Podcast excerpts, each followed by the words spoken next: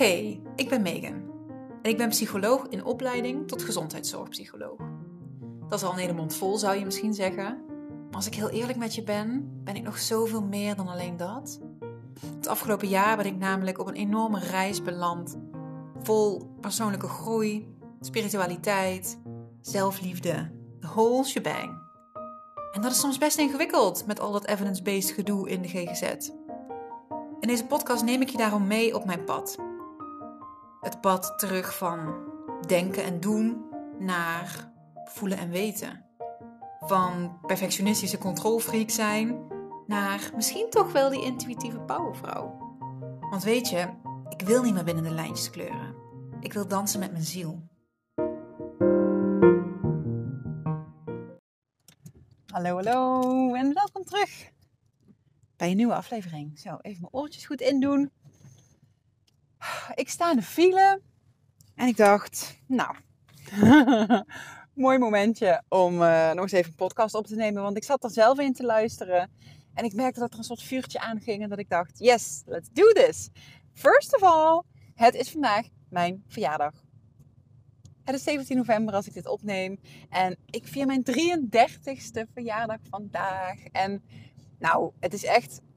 Ik ben al lang niet meer zo excited geweest voor, dit, voor een verjaardag. Ik weet niet, als kind is dat gewoon helemaal de shit. Um, en dit jaar heb ik het weer.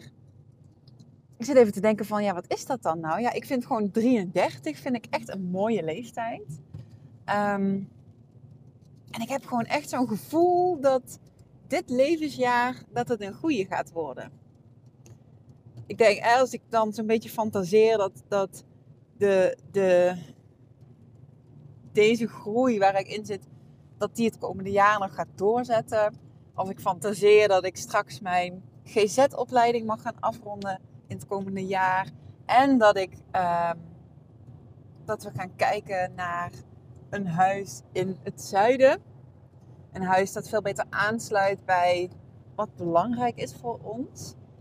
Ja, ik krijg daar wel gewoon lekker uh, in positieve zin de kriebels van. Dus uh, ik kijk er super erg naar uit. Waar ik ook heel erg naar uitkijk is dat ik uh, zaterdag mijn verjaardag ga vieren met een hele hoop toffe, lieve vrouwen in mijn leven. Um, en het feit dat ik dat ga doen en ook de manier waarop ik het ga doen, um, vanuit puur hoe ik graag.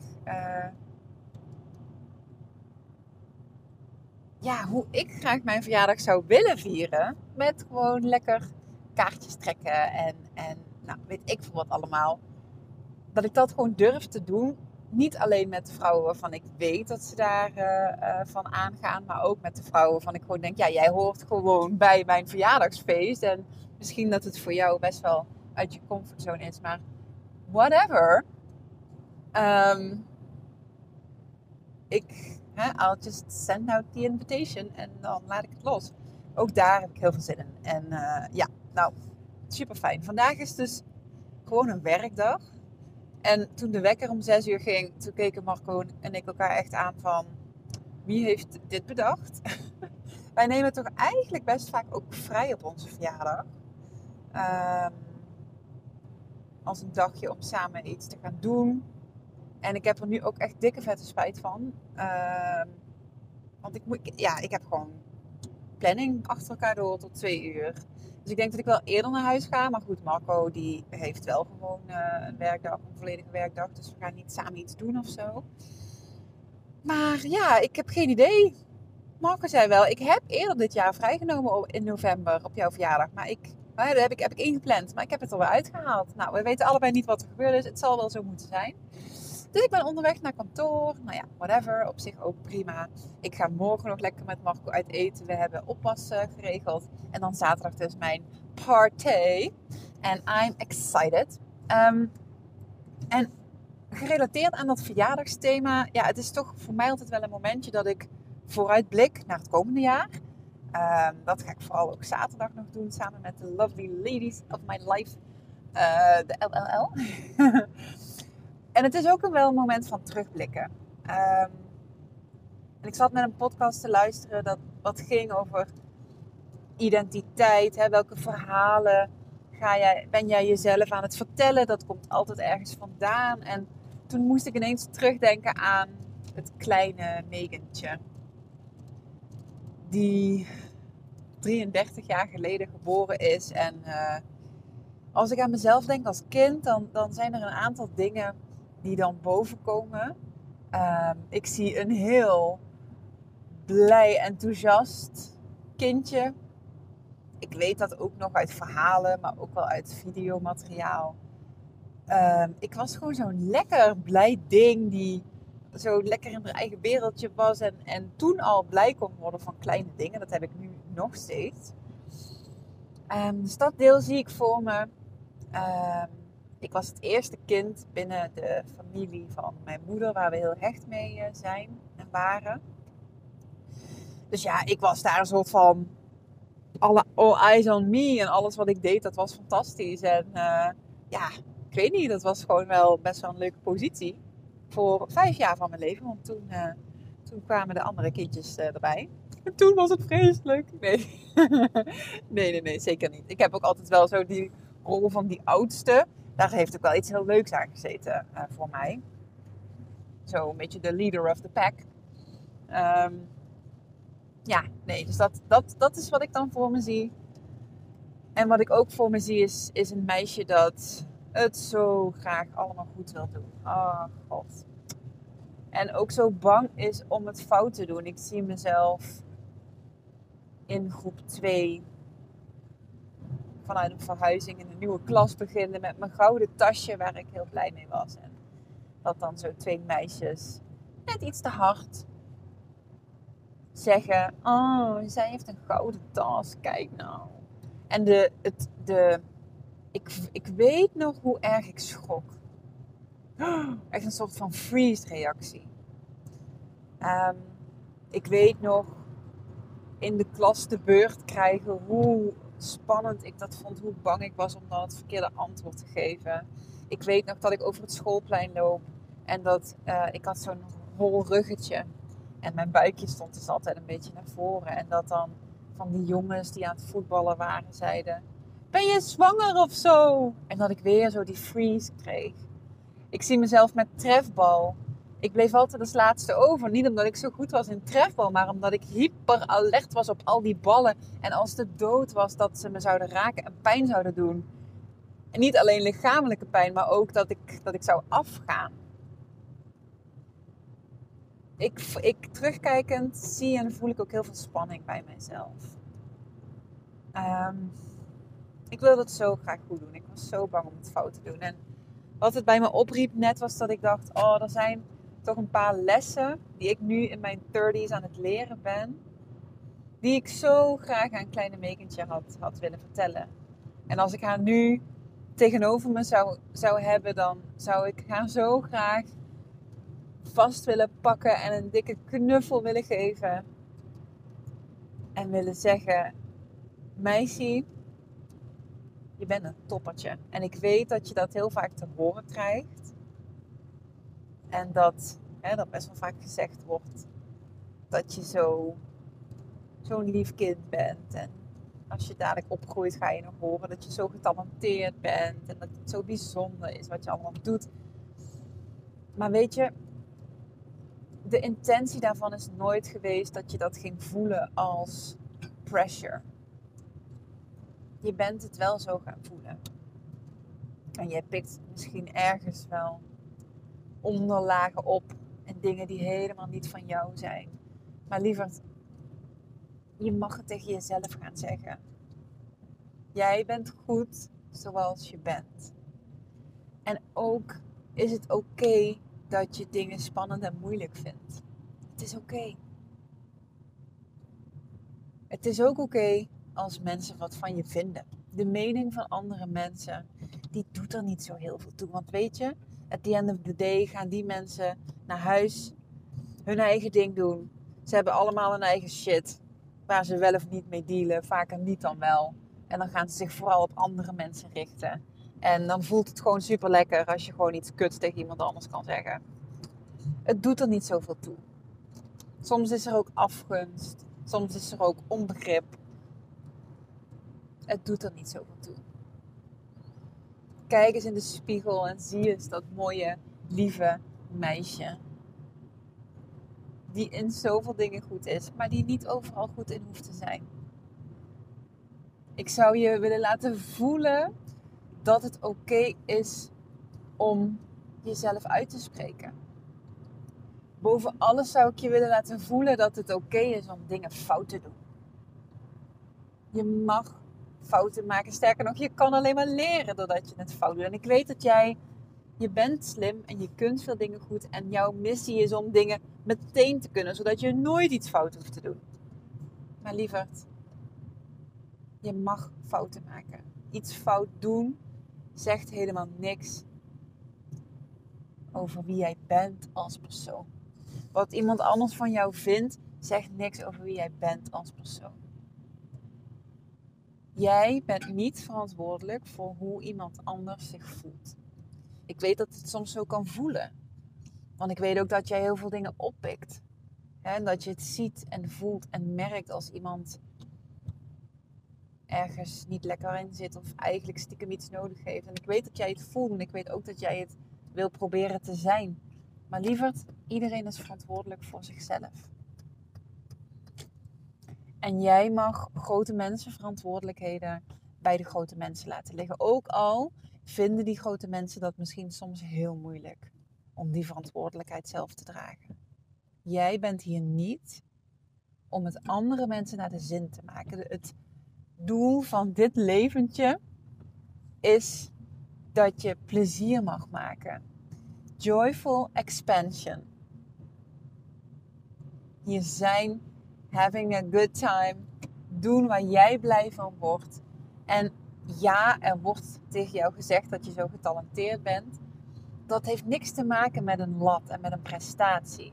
Jouw talent is, zit simpelweg in jou. Dat kun je niet fout doen, dat kun je niet kwijtraken. Of mensen dat nou zien of niet, je hebt talenten voor het leven.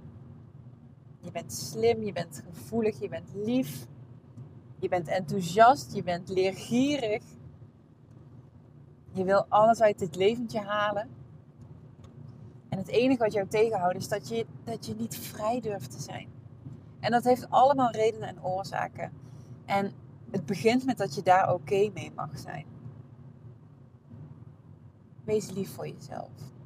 En ik zal lief voor jou zijn. Door deze boodschap tot in het oneindige tegen je te herhalen. En je te laten voelen dat er niks gebeurt als jij voor jezelf zorgt. Dat er niks gebeurt als jij het fout doet. Dat er niks gebeurt als jij gewoon doet waar jij zin in hebt. Want dat ben jij een beetje kwijtgeraakt, lieverd. Dat ben jij een beetje kwijtgeraakt. En wat ik je zou willen meegeven is dat het echt oké is als iemand anders een keer ergens niet blij mee is wat jij doet of zegt. Want dat is het wat, hè? dat is wat er gebeurt. Ze zijn niet blij met wat je doet of zegt. Ze kunnen jou niet afwijzen, want het enige wat zij zien is jouw gedrag. Ze kunnen jouw gedrag afwijzen, maar niet wie jij bent. Wie jij bent is zoveel groter dan dat. Dat is ook iets wat ik je zou willen meegeven. Jij bent verbonden met iets veel groters dan jijzelf. Jij bent liefde. Jij bent energie. Om jou heen is liefde en energie. Je hebt een lijntje naar boven met een hele hoop liefde en fijne energie. En jij bent hier om door te geven. Geef het maar gewoon door en laat maar los wat iemand anders er wel of niet mee hoeft te kunnen of van hoeft te vinden. Ga jij maar achter jezelf staan. En soms is dat zo moeilijk. En heb je het vooral ook nodig dat er iemand achter jou staat. dat iemand je gerust stelt en zegt het is oké. Niet alleen maar jij kan dit, dus ga het maar doen. Maar ook het is oké dat je het spannend vindt. Het is ook oké dat je denkt dat je het niet kan. Het is ook oké dat je nog niet helemaal in je talenten gelooft. Dat komt wel. En je bent niet alleen. Ik ben er voor je. En dan zou ik hopen dat ik naar haar zou kijken en dat ze dat lijfje een beetje zo losschudt, ontdoet van de spanning. En dat ze een hele diepe adem neemt. En dat ze zegt: Oké, met jou achter me durf ik het wel te proberen. En dat ze gaat. En dat ze zich niet meer kleiner gaat maken voor niemand niet. En dat ze niet meer zichzelf gaat aanpassen naar wat er geaccepteerd wordt in deze wereld. Dat erbij horen niet het hoogst haalbare is, zolang je nog niet omringd bent door de juiste mensen. Er zijn mensen die net zo zijn en verlangen en voelen en denken als jij. En die zijn er. En die ga je vinden op het moment dat jij jezelf helemaal durft te laten zien. Alleen zo kun je ze aantrekken. Och, er zijn nog zoveel dingen die ik tegen haar zou willen zeggen. Ehm, volgens de kwantumfysica bestaat er geen tijd. Is de tijd niet zo lineair. Um, ik krijg de hele tijd verjaardagsberichten binnen hier trouwens. Uh, die zie ik zo plop, plop, plop verschijnen op mijn telefoon die zo op mijn raam geplakt zit. er is geen tijd. Dus in theorie zou je kunnen zeggen dat ik, wat ik alles wat ik net heb uitgesproken, dat ik dat ook naar het kleine mekentje heb, heb gezegd. Dat is, een, dat is een shift, hè? Wow, mind is blown. oh, want weet je, om even de shift te maken naar, naar het hier en nu. Ik geloof echt dat we als kinderen puur en, en open en volledig in contact met onszelf ter wereld komen en met onze intuïtie. En dan ga je door ervaringen, ervaringen van jezelf, ervaringen van mensen om je heen, ehm, dan ga je verhalen opbouwen. Verhalen over jezelf, verhalen over anderen, verhalen over de wereld, verhalen over wanneer het goed is, verhalen over wat er gebeurt als je iets fout doet. En met die verhalen bouwen wij onze identiteit. Het beeld dat we hebben van de persoon die we zijn. Maar besef je goed dat ook de, alle dingen waarvan jij zegt ik ben, dat alleen al het feit dat je, daar, dat je dat probeert in woorden te gieten, in een omschrijving. Heel vaak zul je trouwens alleen maar rollen benoemen. Maar jij, wie jij bent, jouw essentie, die is niet te bevatten in woorden. Op het moment dat je er woorden aan gaat geven, dan ga je er, ga je er een verhaal bij vertellen. En dat is leuk, maar het is een verhaal. Het is, niet, het is nooit de realiteit. Een verhaal kan nooit de realiteit zijn. En, maar goed, je gaat jezelf dus wel verhalen vertellen. En er worden ook verhalen verteld aan jou. Niet alleen letterlijk met woorden, maar ook door hoe mensen in bepaalde situaties reageren op jou. Ook dat is een verhaal ook daar maakt jouw brein een verhaal van. En tussen 0 en 7, dan hebben de belangrijkste kernverhalen, die hebben zich al gevormd. En op basis van die identiteit en de onderliggende overtuigingen, ga jij bepaalde keuzes maken. En zo shape jij je leven helemaal rondom die identiteit. Maar het is bullshit. Dus als jij in je leven zit op een punt waarvan je denkt: ik word hier helemaal niet blij van, ga jezelf andere verhalen vertellen. Welke verhalen over jou zijn helemaal niet dienend of zijn helemaal niet wie je echt bent?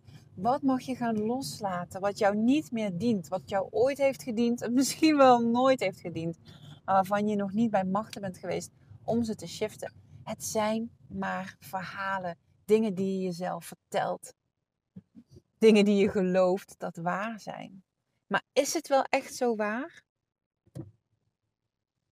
ik mag geen fouten maken. Waarom niet? Ja, want anders worden mensen boos. Ja, en dan? Ja, dan willen ze misschien niet meer. Ja, vinden ze me misschien niet meer leuk. En dan? Ja, dan ben ik alleen. En dan? Ja, dan zou ik ja, niet goed zijn zoals ik ben. Als die mensen niet meer bij me willen zijn. Oké, hoe waar is dit? Er zijn zoveel puntjes in dit verhaal waarop je zou kunnen afbuigen door te zeggen: hé, maar wacht eens even, dat klopt toch helemaal niet? Welke verhalen mag je gaan loslaten? Word je maar eens bewust van de dingen die jij hardop of in jouw hoofd zegt. Over jezelf. Ja, maar ik ben nu eenmaal zus. Of dat kan ik nu eenmaal niet. Of ik heb dat nou eenmaal zo. En dient het jou? Ik weet het niet. Jij weet het wel. Dit vraagt misschien nog wel eens een mooi vervolg. Ehm, ik ga nu even tanken. En als de wiede weer gaat door, want uh, ik ben vet te laat. Maar ik moet echt tanken. ik zie je graag een volgende keer. Doei!